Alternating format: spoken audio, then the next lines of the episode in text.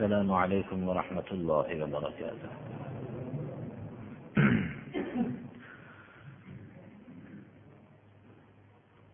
أعوذ بالله من الشيطان الرجيم. وإذ قالت أمة منهم لم تعظون قوما الله مهلكهم أو معذبهم عذابا شديدا؟ قالوا معذرة إلى ربكم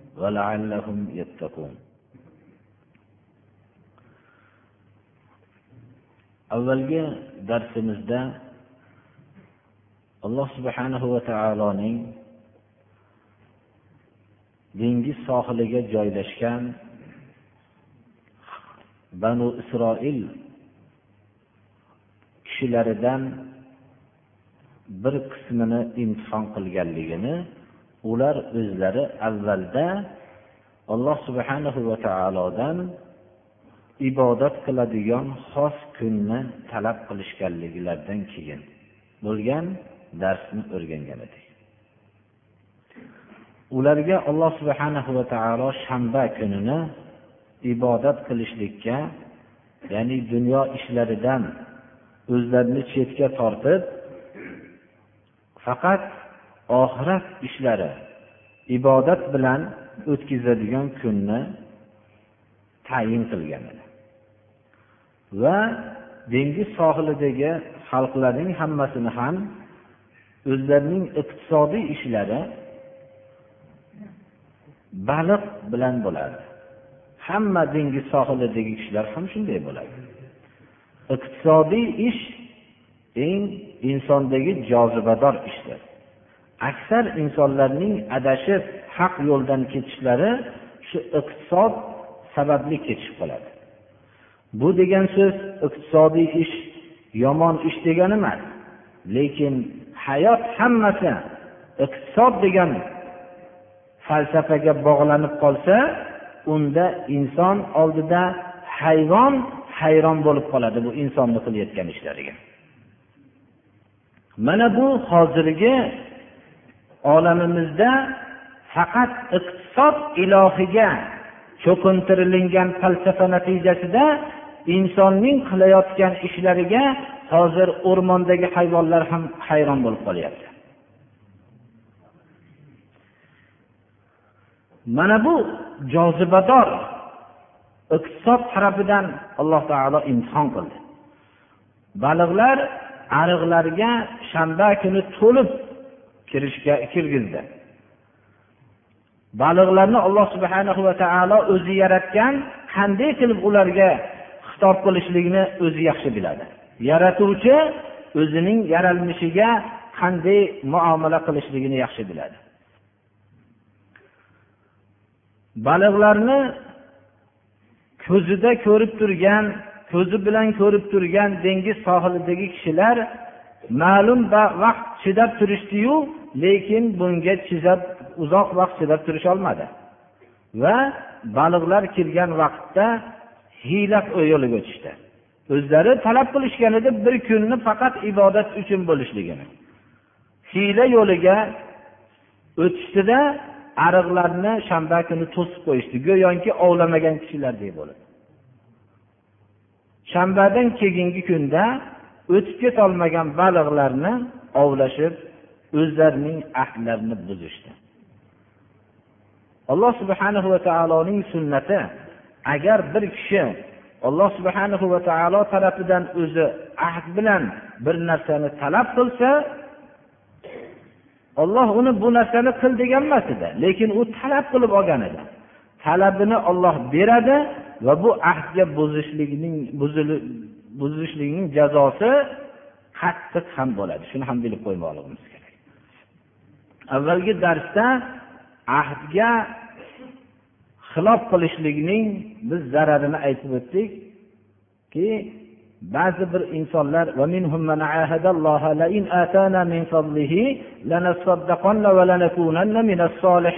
فلما آتاهم من فضله بخلوا به وتولوا وهم معرضون فأعقبهم نفاقا في قلوبهم إلى يوم يلقونه بما أخلفوا الله ما وعدوه وبما كانوا يكذبون.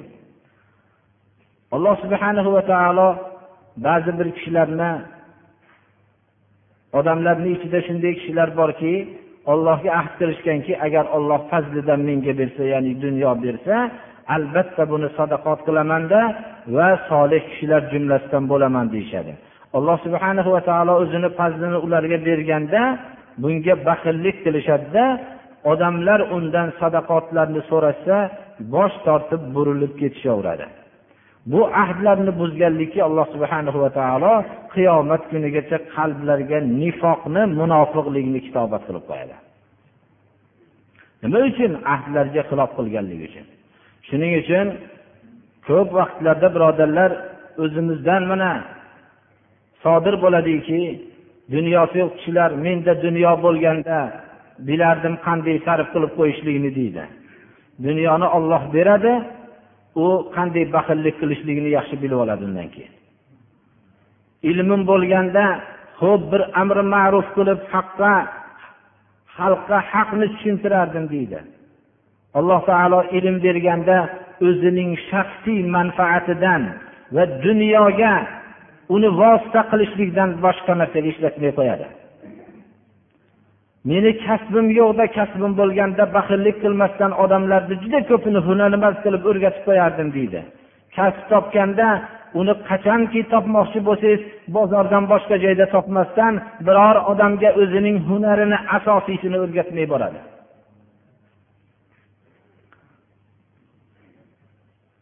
Tandurust bo'lganimda men bir xizmat qilardim deydi. Tandurust bo'lganda o'zining tandurustlik ne'matini poymol qilganligini hayotda mana insonlarning shundayligini ko'p ko'ramiz birodarlar. Shuning uchun birorta odam odamlar doim o'zida yo'q narsa bilan birovlarni ayblashlikka o'rgangan mana bu narsa ahd qilishlikda ehtiyot bo'linmoqligi kerak. Dunyo bo'lganda bir sarf qilardiga desa men bilmadim menga olloh dunyo bersa sarf qilollarmikinman o'sha odamlarga o'xshagan yo bulardan ham ko'ra baxilroq bo'lib ketarmikinman bilmadim demoqligimiz kerak.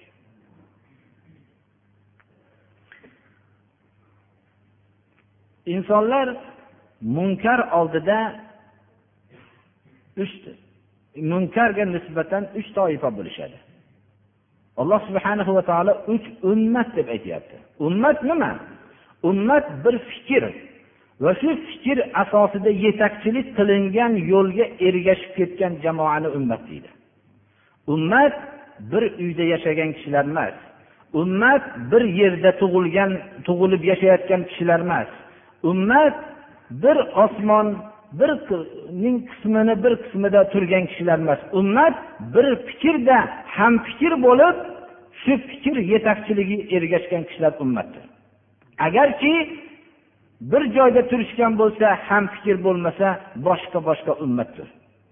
Qur'oni karim mana bu joyda bugungi darsimizda dengiz sohilidagi munkar ishga nisbatan odamlarning uch xil bo'lganligini bayon qilyapti. Birinchilari butunlay ahdlarni buzib munkar ishni qilayotgan osiy fosiq kishilardir. Qiyomatgacha shunday bo'ladi. ikkinchi toifa bo'lsa shu buzuq ishdan munkar ishdan shariatga xilof ishdan qaytaruvchi kishilar yaxshi ishga buyuruvchi kishilar bular amri ma'ruf nahiy munkar qiluvchi kishilar doim munkarga nisbatan bunday toifa qiyomatgacha ajralmaydi doim bo'ladi لا تزال طائفة من أمتي ظاهرين على الحق حتى ظاهرين على الحق لا يضرهم من خذلهم حتى يأتي أمر الله ummatimning bir toifasi haqda doim ko'rinib kelishadi oshkor haqda hayot kechirib o'zlarining haqda ekanligini zohir va botillarda ko'rsatib kelishadi ularga ulardan voz kechib tashlab ketgan odamlar zarar yetkazolmaydi. Ularning haqda bo'lganligiga tashlab ketgan qarindoshlari birodarlari mahallalari yoyinki ko'pchilik odamlarning qarshiliklari ularga zarar qilmaydi baribir haqda turaveradi. Ollohni buyrug'i kelguncha o'lim kelguncha shunday bo'lishadi. Amri ma'ruf nahiy munkarni qiluvchi toifa qiyomatgacha uzilmaydi rasululloh sollallohu alayhi vasallam bashorat berdilar.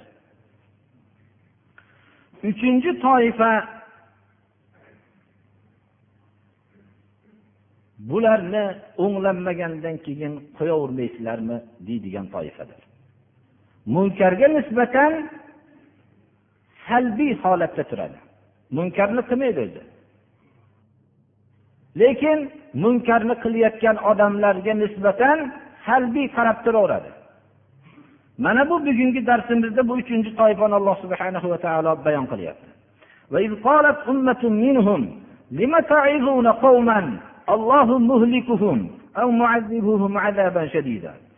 Ulardan bir ummat aytgan soatni yodingizga oling ey muhammad alayhissalom. Ular nima deyishardi? Olloh halok qiluvchi bo'lgan bu odamlarga nima uchun maiza qilasizlar? Nima uchun nasihat qilasizlar? Yo bularni olloh qattiq azoblaydigan bo'lgandan keyin nimaga maiza qilasizlar? Qo'yib qo'yaveringlar bularni deydi. Amri ma'ruf nahiy munkar qilgan odam nima uchun maiza qiladi?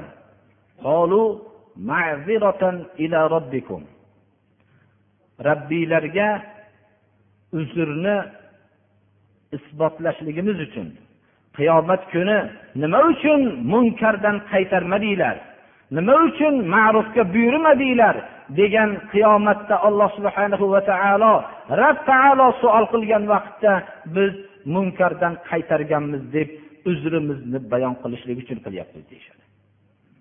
Ertaga qiyomatda alloh subhanahu va taolo so'raydi munkardan qaytarganmisiz ma'rufdan buyurganmisiz? Bu savol albatta bo'ladi. Shu vaqtda uzrni barpo qilishlik uchun biz ma'rufga buyurganmiz munkardan qaytarganmiz deb uzrimizni aytolashlik uchun shunday qilamiz. Mumkinki bu amri ma'ruf nahiy munkarimiz ta'sir qilib qolishi ham mumkin. Shu sababli ular taqvo qilib qolishliklari ham mumkin. Shuning uchun biz amri ma'ruf nahiy munkar qilamiz deydi. Qur'oni karim xuddi hozir nozil bo'lganga o'xshaydi birodarlar. Hozir bizni voqeamizni gapirayotganga o'xshaydi. Har bir munkarga nisbatan ummat uch qism bo'ladi. Biri munkarni harislik bilan qiluvchi hayo qilmasdan munkar qiluvchi. Ikkinchi alloh subhana va taoloning haqiqiy bandalari bu munkardan qaytaruvchi. Ularga rahmdil bo'lib bu munkar ularning jahannamga o'tin bo'lishlikka ketayotganligini bilishib olib borayotganligini bilishib shu munkardan qaytaruvchi haqiqiy ummatdir. Uchinchisi nima ishing bor deb tashlab qo'yuvchi ummatdir. Mana bu ummat hozir bizni ichimizda mana shunday shu musulmonlarning hozirgi jamoasida bor emasmi birodarlar? Mana shu har bir mahalla har bir o'rinda bordir. Haqni aytuvchi kishi odamlarning yo'lga tushganligiga qiziqib yo'lga tushmaganligidan afsus nadomat chekib ruhsizlanib to'xtab qoladigan ummat emas haqni haqni birorta bir odam ergashmagan vaqtida ham xuddi odamlar ergashgan vaqtidagi o'xshagan haqni e'lon qiluvchi ummat ma'rufga buyuruvchi munkardan qaytaruvchi ummatdir. Rasululloh sollallohu alayhi vasallam merojga chiqqanlarida ba'zi payg'ambarlarni ko'rdimki ummatlari ko'p ba'zilarniki ozroq ba'zilarniki o'rtacharoq ba'zilarniki sanoqli ba'zilarniki ikkita ba'zilarniki bitta ba'zilarini mutlaqo ummati yo'q payg'ambarlarni ko'rdim dedilar. Ya'ni bular ummatlar ergashishligiga qarab amri ma'ruf qilishgan emaslar. Yo ummatning ergashmaganligiga qarab amri ma'rufni to'xtatib qo'ymaganlar. Ular doim amri ma'ruf nahiy munkarni ollohni huzurida uzrni barpo qilishlik uchun men haqni yetkazganman deganligi uchun amri ma'ruf nahiy munkar qilishganlar. Biz ham bilamiz gaplarimizni ta'sir qilmasligini bilamiz. Gaplarni mutlaqo u tosh bo'lib ketgan qalblarga ta'sir qilmasligini bilamiz. Ular baribir bu so'zlarning gapirishlikni foydasi yo'q deyotganliklarini ham bilamiz. Lekin alloh subhana va taoloning huzurida uzrni barpo qilishlik uchun mumkinki shuning ichida ba'zi bir qalblarga ta'sir qilib taqvo hosil bo'lishligi uchun gapiramiz.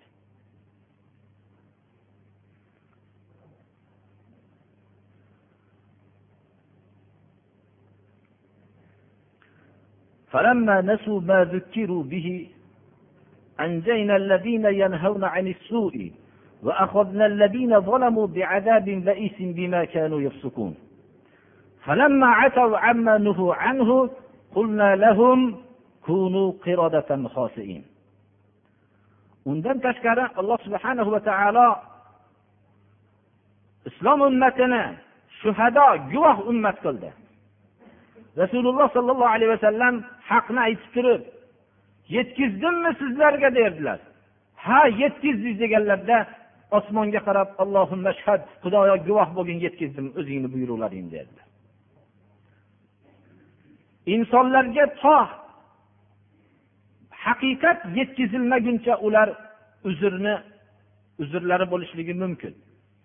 Ammo haqni yetkazilgandan keyin qabul qilinmagandan keyin ollohning azobi keladi endi. Mana bu oyatda ularga eslatilingan narsani esdan chiqarishuvdi. Osiy ummatlar eslatilingan narsani esdan chiqarishganda yomonlikdan qaytargan ummatlarga najot berdik deydi alloh taolo. Amri ma'ruf nahiy munkar qilgan ummat najot topadi. Balo kelishligidan ilgari najot topadi. Va o'zlariga zulm qilganlarni qattiq azob bilan halok qildik deydi alloh taolo. Kimlar o'zlariga zulm qilganlar? Munkar ishni qilganlar va munkarga rozi bo'lib turganlar. Bu yerda alloh subhana va taolo balosi kelganda ummatni uchga emas ikkiga bo'lyapti. Amri ma'ruf nahiy munkar qilganlar. Bir ummat amri ma'ruf nahiy munkarni qilmasdan osiy ummatniga nisbatan beparvo hech qanday loqayd bo'lib turganlar bilan osiy ummatni hammasini bir ummat qilib halok qilyapti alloh taolo.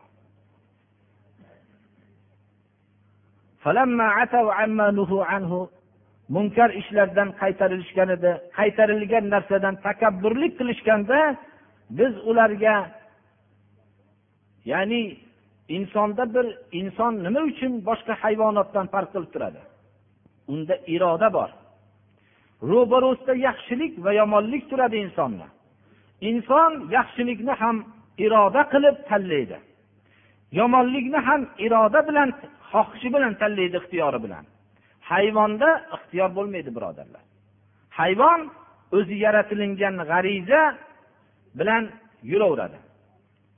Jinsiy aloqa qilgisi kelsa jinsiy aloqa qayerda qaysi o'rinda qanday soatda kim qaysi maydon buni farqi bo'lmaydi hayvonga? Qorni ochganda ro'baro kelgan narsa g'arizasiga o'rnagan uslub bilan ovqatlanaveradi qayerda turibdi? Qanday holatda? Bu narsa yo'q. Xorlik bo'ladimi? Buni e'tiborga olmaydi. Iroda unda bo'lmaydi birodarlar. G'arizasi bo'yicha yo'nalaveradi. Inson hayvondan farqli bo'lishligi tikka yurgan emas. Hayvonni ham tikka yurgizishlik mumkin. Hayvondan insonning farq qilib turuvchi alloh subhana va taolo iroda quvvatini berdi. Bu iroda bilan ajraladi. Ajralib yaxshilikni ham irodasi bilan qiladi yomonlikni ham irodasi bilan qiladi. Shu bilan ajralib turadi. Bularga munkardan qaytarilgan vaqtda ular oxiratdagi hisoblarni eslashtirilganda eslashmadi. Ular o'zlarining eng xos xususiyatlari bo'lgan iroda bilan inson bo'lishlikni xohlamadi. Bundan qaytarilgan narsalar bilan qaytishlik bilan biz inson bo'lardik. Buyurilgan narsalarni qilishlik bilan biz inson bo'lardik. Shahvatga nafsga qul bo'lmaslik bilan biz inson bo'lardik. Mana bu xususiyatdan voz kechgandaki alloh subhana va taolo xor maymunlarga aylanib ketinglar dedi alloh taolo. Ollohni buyrug'i bilan bular xor maymunlarga aylanib ketdi.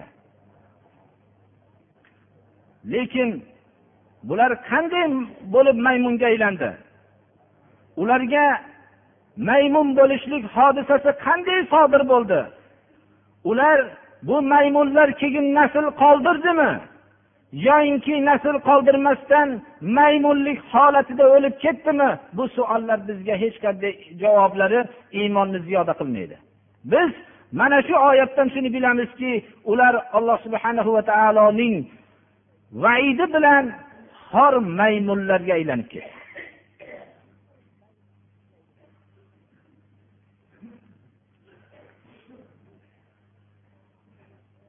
وإذ تأذن ربك ليبعثن عليهم إلى يوم القيامة من يسومهم سوء العذاب إن ربك لسريع العقاب وإنه لغفور رحيم subhanahu va taolo banu isroilga qiyomat kunigacha ularga yomon azobni tattiradiganni jo'natishlikka e'lon qildi. Albatta jo'nataman dedi sizni robbingiz azobi tez va o'zini munkar ishlardan qaytib olgan kishilarga gunohlarni kechiruvchi va rahmdildir. Mana bu oyat dalolat qiladiki banu isroil toifasiga alloh subhanahu va taolo qiyomat kunigacha qattiq yomon azobni tattiradiganni jo'natishlikdan hech zamonni xoli qilmasligiga ishora bo'lyapti. Alloh subhanahu va taolo bu oyatni nozil qilgan vaqtda o'zining bashoratini umar ibn xattob davrida vujudga keltirdi. Baytul muqaddasni birinchi fath qilgan islom xalifalarining ikkinchisi umar ibn hattob roziyallohu anhu bo'ldilar. Bu kishining davrida fath qilindi. Umar ibn hattob roziyallohu anhu madinada sulh tuzishlik vaqtida baytul muqaddas fath qilingandan keyin u yerdagi qudusdagi kishilar hammasi umar ibn hattobning o'zlarini kelishligini bu sulhga ba'zi bir shartnomalarga kelishligini talab qilishdi. Shu shartnomalarni talabiga binoan umar ibn hattob sahobalar bilan maslahat qildilar. Maslahat borishlikka maslahat berilgandan keyin bordilar. Mana bu borganlarida rivoyat qilinadiki ba'zi bir tarixchi muarrihlar umar ibn hattob o'zlarining kirib kelayotgan vaqtlarida g'ulomlari bilan tuyada navbat bilan sahroda tuyani yetalab kirganliklarini. Bir chaqirimdan kelishilingan bo'lsa shu chaqirim bir chaqirim bu kishi yetalab bir chaqirim g'ulom yetalab navbat bilan borganlarida kutib olinishlik istiqbol soati umar ibn hattobning yetalab kirishligiga to'g'ri keldi. Umar ibn hattobdan g'ulom talab qildiki endi men buni yetalab boraman o'zim. Men roziman degan vaqtida sen meni hozirgi xalifalik lavozimi uchun lozim sen rozi bo'lyapsan dedilar. Va tuyani majbur qilib g'ulomni mindirib tuyani yetalab kirdilar. Baytul muqaddasning fathi shunday adolatli kishilarga nasib bo'lgan tarixda. Ikkinchi fath salohiddin ayyubiy kurdiy mana bu zotga fath qilishlik nasib bo'ldi. Bu kishi qasamyod qildilarki baytul muqaddasni fathi bo'lmaguncha yaxshi taomni lazzatli taomni yemaslikka. Bu kishining axloqlarini ko'rish natijasida agarki o'zlari kasalmand bo'lsalar ham butun bu kishidagi xulqlarni ko'rib arabu ajam hammalari u kishiga ergashdi. Baytul muqaddasning ikkinchi fathi salohiddin ayyubiy kurdiyga nasib bo'ldi. Alloh subhanahu va taolo banu isroilga qattiq azobni tattiradigan kishini qiyomatgacha jo'natishlikni e'lon qildi mana bu oyatda. Olloh bu va'dasida haq jo'natdi va inshaalloh qiyomatgacha jo'natadi. Lekin bu narsa umar ibn hattob salohiddin ayubiyga o'xshagan haqiqiy bir islomning o'zida mujassamlashtirgan kishini kutib turibdi birodarlar. Alloh subhanahu va taolo bunday katta ne'matini ana shunday islomning o'zida mujassamlashtirgan kishiga nasib qiladi. Lekin alloh subhanahu va taolo albatta jo'nataman qiyomat kunigacha deb va'da qildi va'dasi haqdir. ba'zi bir vaqtlarda bu narsaning voqe xilofi bo'lib turishligi musulmonlarni aldab qo'ymasligi kerak وقطعناهم في الأرض أمما منهم الصالحون ومنهم دون ذلك وبلوناهم بالحسنات والسيئات لعلهم يرجعون banu isroilni yerda ummat ummat qilib bo'lib bo'lib tashladik dedi. Alloh subhana va taolo banu isroilning ahdni buzishlikning to'xtamsiz buzishligining jazosiga tamomiy yer kurrasiga bo'lib bo'lib tashladi. Ularning ba'zilari solihlar bor. Alloh subhana va taoloning yo'lini bilib iymon keltirganlari bulari bor. Solih bo'lmasa ham solihlikdan pastroq martabadalari bo'lganlari bor. Ularni alloh subhana va taolo yaxshilik va yomonliklar bilan imtihon qildik deydi. Toinki o'zlarining yomon xulqlaridan qaytishliklari uchun. Insonni imtihon ikkita imtihoni bo'ladi. Bittasi yaxshiliklar bittasi yomonliklar bilan. Imtihonning oxiri insonning bu yomonliklar bilan bo'lgan holatidir. Yaxshiliklar bilan bo'lgan imtihon eng og'irroq imtihondir. Yomonliklar boshiga musibatlar kasalliklar tushgan vaqtida inson o'zini imtihonida ko'p kishilar yaxshi insonga aylanadi. Ammo hasanotlar bo'lgan vaqtda olloh o'zi saqlaganlargina bu imtihonda salomat qoladi. Chunki juda ko'p inson yaxshiliklar ko'paygandan keyin o'zining yaxshi holatini yo'qotadi. Maishatga beriladi. Haq yo'ldan burila boshlaydi. Alloh subhana va taolo mana bu imtihonning og'iri hasanot bo'lganligi uchun ham vallohu alam avvalda keltirayotgan bo'lsa kerak. Ba'zilari solih bo'lishdi ba'zilari solihlik darajasida bo'lmasa ham pastroq martabada bo'lgan banu isroil xalqlari bor. ورثوا الكتاب يأخذون عرض هذا الأدنى ويقولون سيغفر لنا وإن يأتهم عرض مثله يأخذوه ألم يؤخذ عليهم ميثاق الكتاب ألا يقولوا على الله إلا الحق ودرسوا ما فيه والدار الآخرة خير للذين يتقون أفلا تعقلون ulardan keyin keyingi qoldiqlar vujudga keldi ular olloh tarafidan tushirilgan kitobga merosxo'r bo'lishdi Merosxo'r bo'lib ularning oldida tavrot bo'la turib shu dunyoni matosini olishardi. Ya'ni adna dunyo matolarinigina olishib hayotni kechirishardi. Oxiratni hech hisobga olishmasdi. Va aytishardiki gunohlarimiz kechirilsa ajabmas deyishib qo'yardi. Xuddi hozirda ham shunday birodarlar. Inson hiyla nayrang harom yo'llar bilan dunyoni kasb qilib turib u haromligini o'zi bilan ollohni o'rtasida buni bilib turib bundan voz kecholmaydida olloh kechirar deb qo'yadi. O'zi shu bilan haligi haromdan topgan narsasini halol qilib olmoqchi bo'ladi.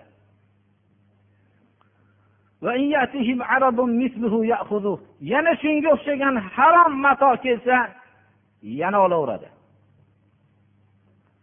Avvalgisida bir marta oldim endi buni kechirar bundan buyog'ida to'g'irlab olaman deydida yana shuni misoli kelsa yana olaveradi.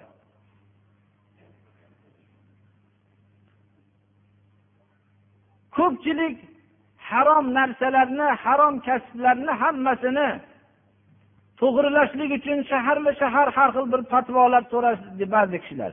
U go'yoki boshqa odamga yelkasiga mas'uliyatni yuklamoqchi bo'lib.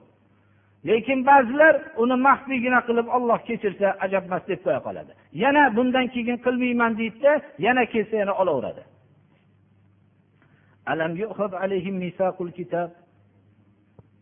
Ularni ustida ahdi paymon olingan emasmi?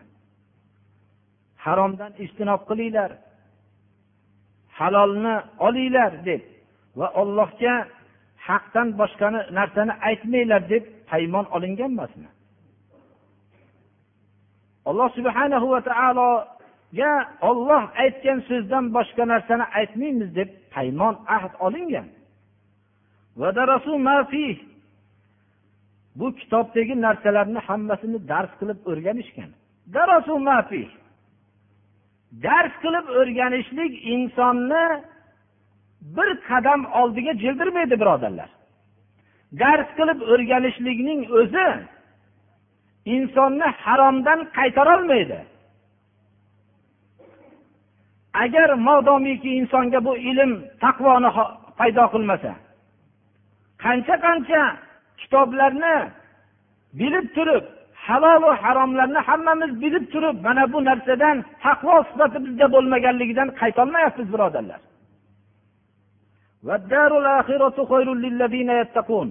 Oxirat xonadoni taqvo qilganlarga yaxshi. Yaxshi oxirat lekin kimga? Ollohdan taqvo qilganlargagina yaxshi. Boshqalarga juda oxirat og'irdir juda. Oxiratning taqvo qiladigan kishilarga yaxshiligini bir aqllarida ishlatib bilishmaydimi?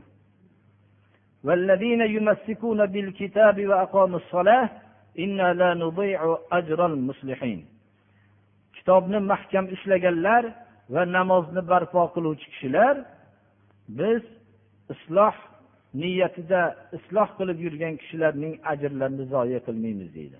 Alloh subhanahu va taoloning yuborgan kitobini mahkam ushlab va namozni barpo qilgan kishilar alloh subhanahu va taolo bularning muslih kishilar ekanligiga ishora qilyapti. Muslihlarning ajrini biz zoye qilmaymiz. Alloh subhanahu va taolo banu isroildan ahdi paymon olgan edi. Ko'p vaqtlardagi ahdi paymonlar oddiy holatda foyda bermaydi. U paymon esdan chiqib qolaveradi. juda ko'p kishilar ahd berishadi ahdlari esdan chiqib qoladi lekin qattiq soatda olingan ahd esdan chiqmaydi bularning qalblari qattiqlashib ketgandan keyin alloh subhana va taolo ahdi paymon oldi وظنوا أنه واقع بهم خذوا ما آتيناكم بقوة واذكروا ما فيه لعلكم تتقون alloh subhanahu va taolo bunday qalbi qatib ketgan kishilardan paymon olishlikka o'zining bir mo'jizasini ko'rsatib turib oldi. U ahd esdan chiqarmasliklari uchun. Yodingizga oling ey muhammad alayhissalom deyapti. Ulardan biz ularning ustiga tog'ni shunday ko'chirib olib borgan edik deyapti. Alloh subhana va taolo tog'ni yaratdi uni ko'chirib ularning ustiga olib borishlikni qanday olib borishlikni o'zi yaxshi biladi. Hadis shariflarda borki jibril alayhissalom payg'ambarimiz sollallohu alayhi vasallamga toifdagilar ko'p ozor berganlarda yo muhammad meni alloh subhana va taolo sizga itoat qilishlikka jo'natdi. Qavmingizni sizga bergan ozorini ko'rib turibdi. Agar shu tog'ni ko'tarib ularning ustiga tashlang desangiz hozir tashlayman dedilar. Shunga binoan mumkinki alloh subhana va taolo qanday olib borganlik deb bayon qilinmayapti. Jibril alayhissalomga buyruq qilsa jibril alayhissalom tog'ni olib kelgan bo'lsalar ularning ustiga shunday tog'ni olib keldik deyapti alloh taolo. Tepalarida bulutdek turardi. Ular endi bu tog' ustimizga tushib ketadi deb bilishdi. Shu vaqtda sizlarga bergan kitobni kuch bilan mahkam ushlanglar deb buyurdi alloh taolo. Bu kitobdagi narsalarni yodinglarga olinglar shunda sizlarga taqvo hosil bo'ladi dedi. Bular ahd berishdi. Inson bu vaqtda har qanday bag'ri tosh bo'lib ketsa ham ahd beradi. Ustida tog' bulutday turibdi. Agar ahdni olmasa ustiga tashlab yuboradi. Mana shunday soatda faqat ahdga vafo qilishlik va'dasini beradi. Alloh subhana va taolo bunday banu isroildan shunday qattiq soatda ahd oldiki esdan chiqarmaslik uchun lekin banu isroil esdan chiqardi.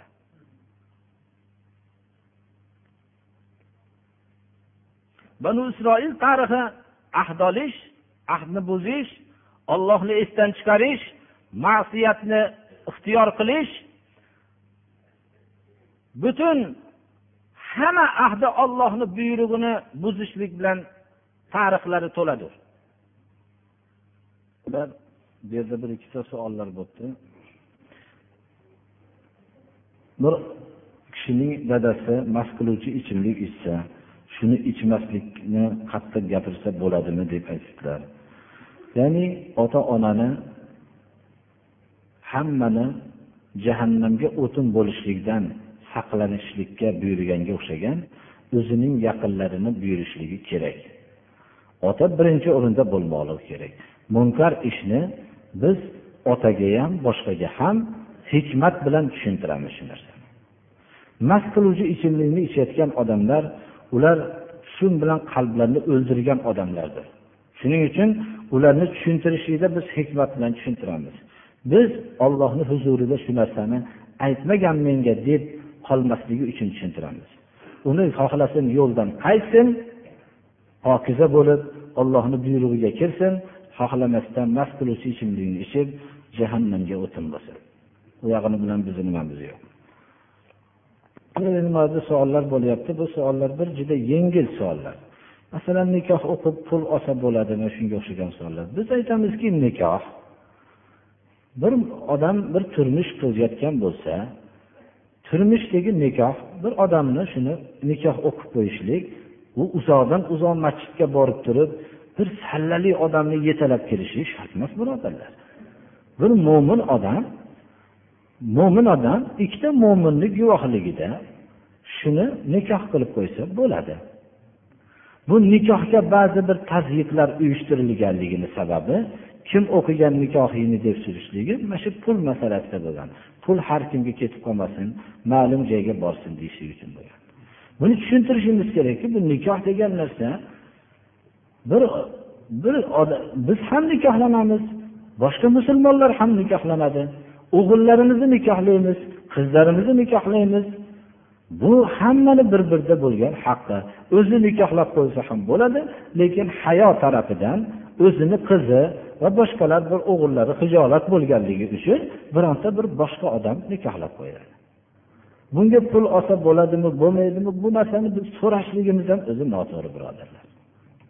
To'yni sovuqchilik tushib yo boshqa sabablar bilan qo'shilmagan holatda ajralib ketsa albatta idda o'tiradi birodarlar.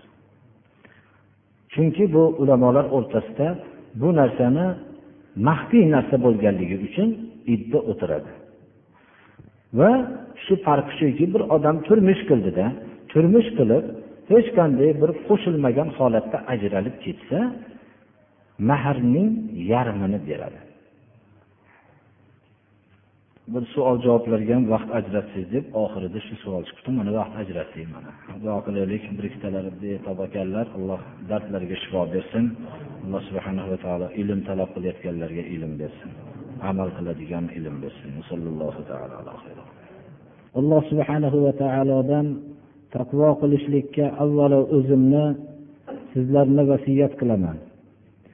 Alloh subhanahu va taolodan taqvo qilish hamma amallardan bo'lgan bir samaradir va taqvoning samarasi ollohning oxiratdagi jannat ziyofatxonasidir.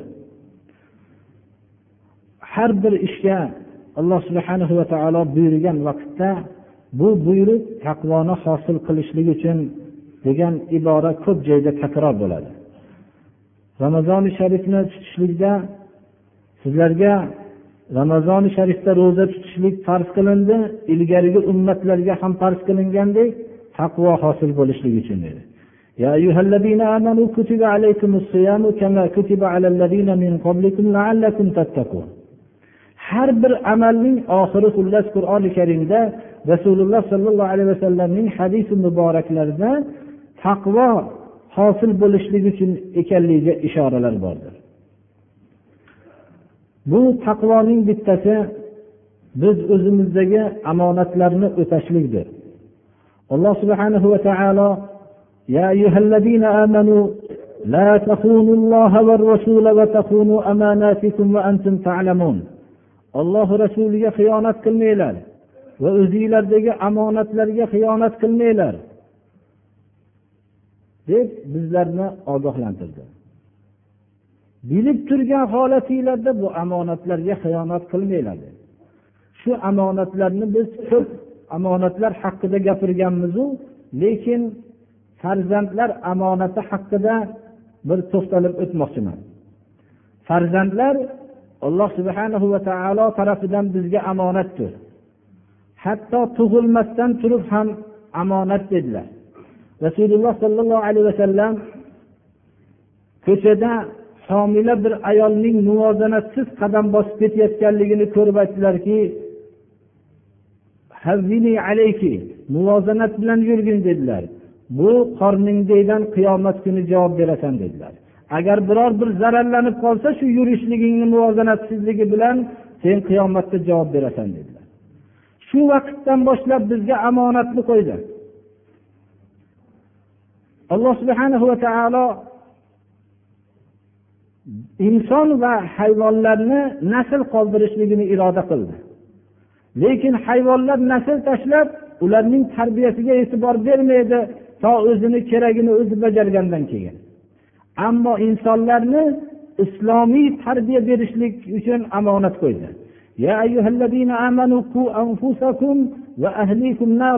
يا أيها الذين آمنوا قوا أنفسكم وأهليكم نارا وقودها الناس والحجارة عليها ملائكة غلاظ شداد لا يعصون الله ما أمرهم ويفعلون ما يؤمرون ey iymon keltirgan kishilar o'zinglarni va ahliylarni ahl arab tilida oila va farzandlarni aytadi bularni ollohning o't azobidan saqlab qolinglar u o'tning ustida rahm qilmaydigan qattiq qo'l posbonlar turadi tafsirlarning ma'nosiga qaraganda azob bergan sari rohatlanadigan posbonlar qo'yib qo'yilgan.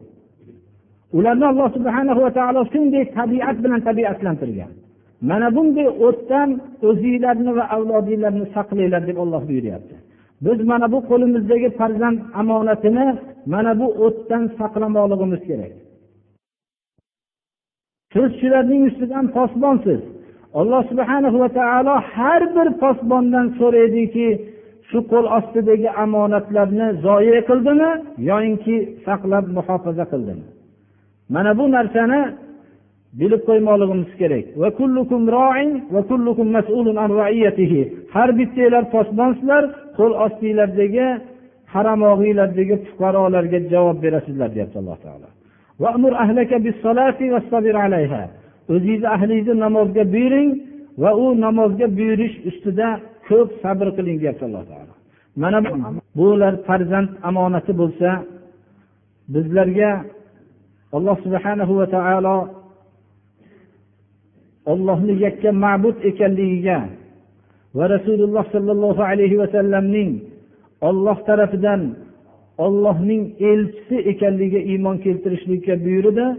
Va shundan keyin bevosita namoz o'qishlikka buyurdi. Namoz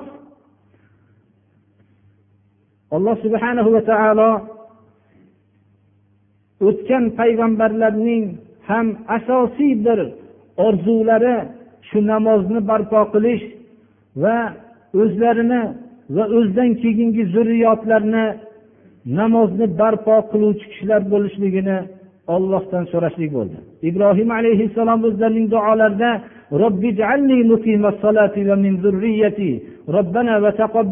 dedilar. Xudoyo o'zimni namozni barpo qiluvchi qilgin va zurriyotimni ham namozni barpo qiluvchi qilgin deb duo qildilar. Alloh subhanahu va taolo muso kalimullohni tur tog'ida munojot qilib bevosita munojot qilgan vaqtida ham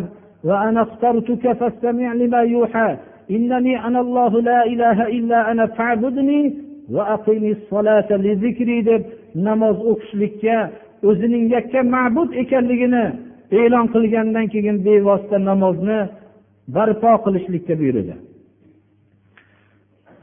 iso alayhissalom ollohning mo'jizasi bilan tug'ilib birinchi beshikda gapirgan vaqtlarida ham alloh subhanahu va taolo namozga vasiyat qilganligini go'dak beshikda turib gapirdilar. Dedilar. Modomiki tirik bo'lar ekanman alloh subhanahu va taolo meni namozga va zakotga vasiyat qildi dedilar. Alloh subhanahu va taolo rasululloh sollallohu alayhi vasallamni o'zi nozil qilgan vahiy qur'oni karimni tilovatiga buyurib bevosita namozni barpo qilishlikka buyurdi. Dedi. Namozni barpo qiling dedi. Jang maydonida jihodda turganlarida ham piyoda turib yoinki markabda turib bo'lsa ham namozni tark qilmaslikka buyurdi va namozlarning muhofaza qilishlikka buyurdi. Namozlarni hammasini muhofaza qilib rioya qilinglar. O'rta namozni xususan rioya qilinglar dedi. Agar tashvish ziyoda bo'lsa piyoda yoinki markabda turgan holatinglarda namozni o'qinglar dedi.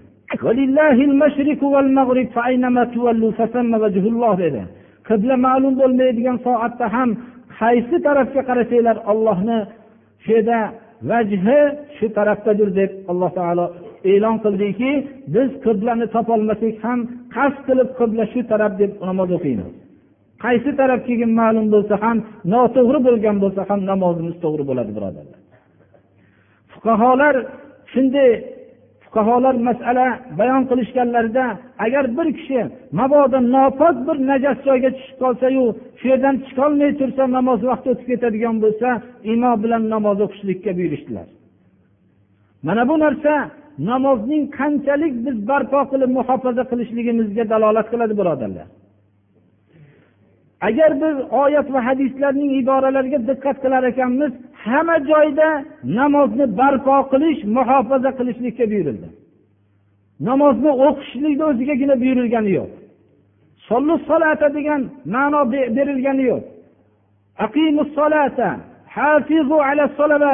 Namozni barpo qilinglar muhofaza qilinglar deb buyurilgan rasululloh sollallohu alayhi vasallamdan rivoyat qilingan hadis imom ahmad ibn hambalning musnatlarida keltirilgan payg'ambarimiz sollallohu alayhi vasallam aytdilarki من حافظ عليها كانت له نورا وبرهانا ونجاة يوم القيامة ومن لم يحافظ عليها لم يكن له نور ولا برهان ولا نجاة وكان يوم القيامة مع قارون وفرعون وهامان وأبي بن خلف rasululloh sollallohu alayhi vasallamga nozil bo'lgan oyatlarda mana hammamizga ma'lumki surai namozlardan beparvo bo'lgan kishilarningga do'zax bo'lsin vayl bo'lsin musibat bo'lsin deb shunday xitob qilindi. Namoz o'qimaganlarning jahannamga o'tin ekanligida bunda o'zlari qur'oni karimda mana jahannamda turib nima uchun sizlarni do'zaxga nima tushirdi jahannamga deganda ular namoz o'qiguvchilardan bo'lmagan edik deyishadi. Namozni muhofaza qilish birodarlar nihoyatda zarurligiga shu hadis dalolat qiladi. Kim namozni muhofaza qilsa namoz unga nur va hujjat va najot bo'ladi qiyomat kunida. Kim namozlarni muhofaza qilmasa unga nur ham bo'lmaydi namoz hujjat ham bo'lmaydi najot ham bo'lmaydi. U qiyomat kuni qorun bilan fir'avn bilan homon bilan ubay halab bilan birga bo'ladi. Bu hadisni sharhlovchi kishilarning ba'zi sharhlovchi kishilar aytgan ekanlarki qaysi odamni boyligi mast qilib namozdan tark qilishlikka sabab bo'lgan bo'lsa qorun bilan bo'ladi. Podshohligiga mag'rur bo'lib namoz o'qimagan bo'lsa fir'avn bilan bo'ladi. Agar o'zi martabasi uni biror bir martabaga faxrlanib namoz o'qimagan bo'lsa homon bilan bo'ladi fir'avnning vaziri bilan.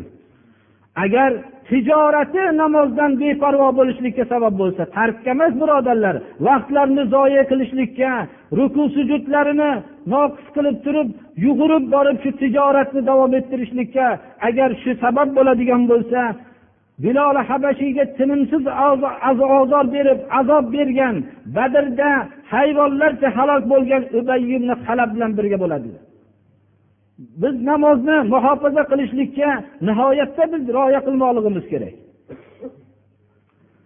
Sulaymon alayhissalom odatda kun botmasdan ilgari o'qiydigan namozlari bor edi. O'zlarining otlarini ko'z oldiga oldilariga olib keltirib birma bir ko'rish uchun shu bilan qarab turganlarida kun botib ketib qolganidan keyin kun botishligi bilan hamma otlarini yaxshi ko'rgan otlarni ollohni yo'lida qurbon qilib tashladilar. أستعيذ بالله إذ عرض عليه بالعشي الصافنات الجياد فقال إني أحببت حب الخير عن ذكر ربي حتى تبارت بالحجاب ردوها علي فطفق مسحا بالسوق والأعناق men ollohni zikridan shu otlarimni yaxshi ko'rib qoldim hammasini qaytarib olib kelinglar dedilarda ollohni yo'lida hammasini so'yib sadaqa qiladilar rasululloh sollallohu alayhi vasallamning davrida ashobi ikromlardan bittalari namozda turganlarida bo'stonlarida shu bo'stonlarda o'tayotgan qush va hokazo boshqa bir tovushlar u kishini aldab qo'ygan vaqtida shu bo'stonni ollohni yo'lida sadaqa qilib yuborgan ekanlar. Namozni muhofaza qilishlikka sahobalar tobeinlar hammalari qattiq berilishganlar alloh subhanahu va taolo namozni zoyi qilganlarni yaqin kunda o'zlari ham egri yo'lga ro'baru bo'ladi deb sura maryamda bayon qiladi alloh subhanahu va taolo o'zining do'stlarini namozni barpo qilganligini ta'riflab aytib turib فخلف من بعدهم خلف أضاعوا الصلاة واتبعوا الشهوات فسوف يلقون غيا bulardan keyin bir keyin qoldiqlar bo'ldiki ular namozlarni zoya qilishdi va shahovatlariga ergashib ketishlik edi shahovatlarga ergashishlik namozni zoya qilishlikka sabab bo'ladi اللهم تقبل منا انك انت السميع العليم اللهم ارحمنا بالقران العظيم واجعله لنا ولا علينا حجه يا رب العالمين وصلى الله تعالى على خير خلقه محمد واله واصحابه اجمعين برحمتك يا رب